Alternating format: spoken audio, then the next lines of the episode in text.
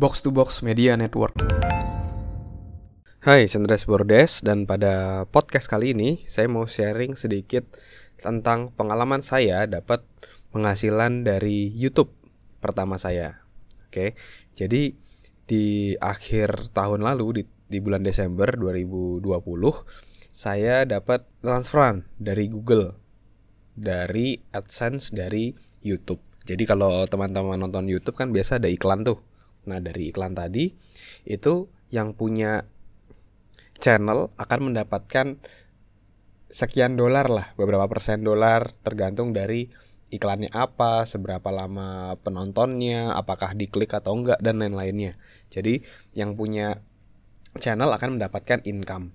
Dan di YouTube saya itu dulu juga memang saya setting untuk bisa monetize atau dapat income dari sana.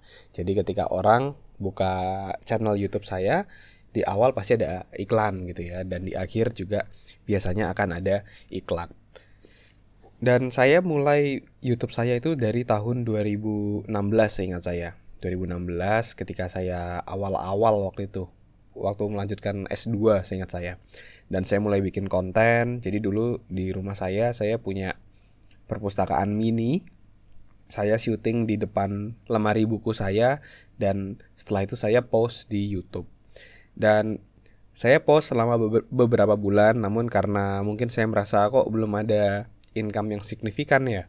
Kok uh, viewersnya segini-segini aja ya. Akhirnya saya memutuskan untuk yaudah deh YouTube-nya nggak usah difokusin dulu. Saya lebih fokus ke pekerjaan dan juga kuliah saya saat itu. Namun ternyata ketika saya tinggal dan di tahun 2018 atau 2019 saya coba cek lagi ternyata di tahun 2017 itu ada peningkatan yang cukup signifikan. Saya rasa itu karena ada salah satu video yang mungkin cukup rame juga yaitu tentang bagaimana cara mengubah takut menjadi berani ya.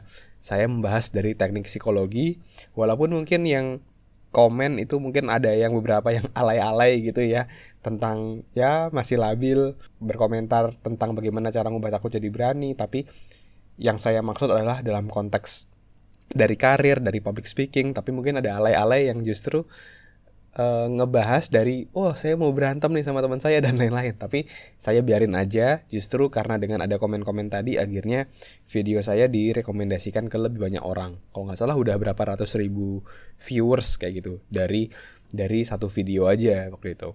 Dan saya baru sadar tuh tahun 2018 atau 2019 kalau ternyata video itu cukup rame dan ternyata saya juga udah cukup lumayan lah dapat income dari dari YouTube saya ngelihat AdSense saya, ih lumayan juga nih, ada berapa uh, dolar gitu ya untuk saya. Tapi ternyata ketika saya mau cairin itu belum bisa karena ada ambang batas atau threshold dari YouTube-nya minimal berapa uh, income-nya baru bisa dicairkan. Nah, akhirnya saya mulai bikin konten-konten lagi sampai akhirnya di tahun 2019 akhir akhirnya saya berhasil mencairkan income saya dan mendapatkan penghasilan dari YouTube tadi. Nah, jadi itu pengalaman saya dan beberapa hal yang mungkin uh, pelajaran yang bisa yang bisa diambil adalah teman-teman bisa mulai kalau misalnya teman-teman senang YouTube gitu ya, senang senang bikin video, edit video, saya rasa cocok untuk teman-teman yang untuk berkarir di di YouTube untuk mulai membuat YouTube dan mendapatkan uh, income dari sana gitu. Nanti jadi teman-teman mulai bikin dulu sampai akhirnya nanti seingat saya minimal 1000 subscriber. Kalau udah 1000 subscriber, teman-teman udah bisa mulai monetize atau mulai pasang iklan dan lain-lainnya. Lalu setelah itu saran saya teman-teman bisa konsisten posting sampai akhirnya uh, channel teman-teman bisa bertumbuh jauh lebih besar. Kadang-kadang ketika udah lewat seperti itu dari saya agak sedikit dalam hati mungkin sedikit menyesal. Kenapa nggak waktu itu tetap difokusin tetap konsisten sampai sekarang? Mungkin hasilnya akan jadi jauh lebih uh, luar biasa. Jadi teman-teman bisa mulai bikin kontennya juga mulai konsisten dan kalau udah 1000 subscriber bisa mulai monetize. Nah, sebenarnya pemilihan uh, platform untuk kita membuat konten itu ya tergantung dari kitanya. Kalau kita suka nulis, misalnya kita bisa bikin blog atau mungkin menggunakan Twitter gitu. Kalau misalnya gambar, kita bisa menggunakan Instagram, video singkat juga Instagram juga oke. Okay. Kalau kamu suka bikin video agak panjang, kamu bisa bikin YouTube ya YouTube di sana kamu bisa monetize dan saat ini saat ini saya tertarik untuk membuat satu yang namanya podcast ya seperti yang teman-teman dengar saat ini dan dengan kenapa saya senang podcast karena di podcast ini kalau saya mau bikin konten nggak perlu kayak uh, prepare-nya cukup banyak harus dari penampilan harus uh, apa namanya cuci muka dulu lah benerin rambut pakai kemeja dan lain-lain misalnya terus setting kamera, terus ngedit video dan lain-lain. Itu cukup text time buat saya.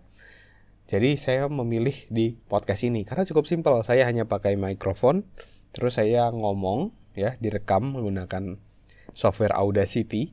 Lalu setelah itu tinggal ngedit aja, cut-cut bagian yang dirasa uh, kurang enak. Misalnya e-nya terlalu panjang, atau misalnya diam terlalu panjang, nah tinggal ngangkat-ngangkat bagian itu. Jadi saat ini saya lebih memilih menggunakan podcast dan dengan podcast ini juga teman-teman pendengar bisa menikmati konten kita secara pasif. Kalau misalnya buku kan kita harus baca, harus aktif fokus. Kalau YouTube harus nonton. Kalau podcast kamu bisa sambil kerja, kamu bisa sambil di perjalanan, kamu bisa sambil misalnya mengerjakan pekerjaan rumah, sambil beres-beres kamar, itu bisa dilaku bisa dilakukan gitu dengan uh, melalui podcast ini. Oke, okay?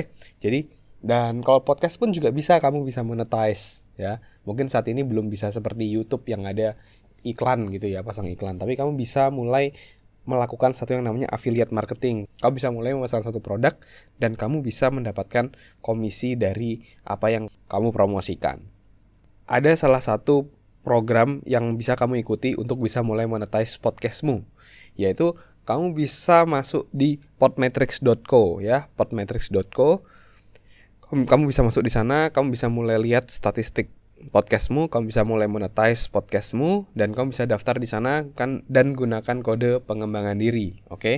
Kamu bisa pot, masuk podmetrics.co dan bisa mas dan gunakan kode pengembangan diri dan kamu bisa udah mulai monetize podcastmu, oke? Okay? Dan untuk kamu yang advertiser atau pengiklan yang di mana mungkin mau memasukkan produk, jasa atau brandmu ke dalam berbagai macam podcast atau mungkin mau masuk di podcast self development ini, podcast pengembangan diri ini, kamu juga bisa masuk di advertiser.podmetrics.co. Oke, jadi kamu dengan podcast ini eh, so far karena belum ada seperti YouTube yang AdSense menggunakan iklan seperti itu, kamu bisa menggunakan affiliate marketing atau kamu bisa juga mendapatkan sponsor dari pemasang iklan untuk di podcastmu. Oke, mungkin itu dulu sharing dari saya. Kalau kamu ada pertanyaan, kamu bisa juga DM saya di Instagram di @andreasbordes. Pertanyaan kamu akan saya jawab di podcast saya. Oke, thank you teman-teman semuanya. Sukses selalu and keep healthy.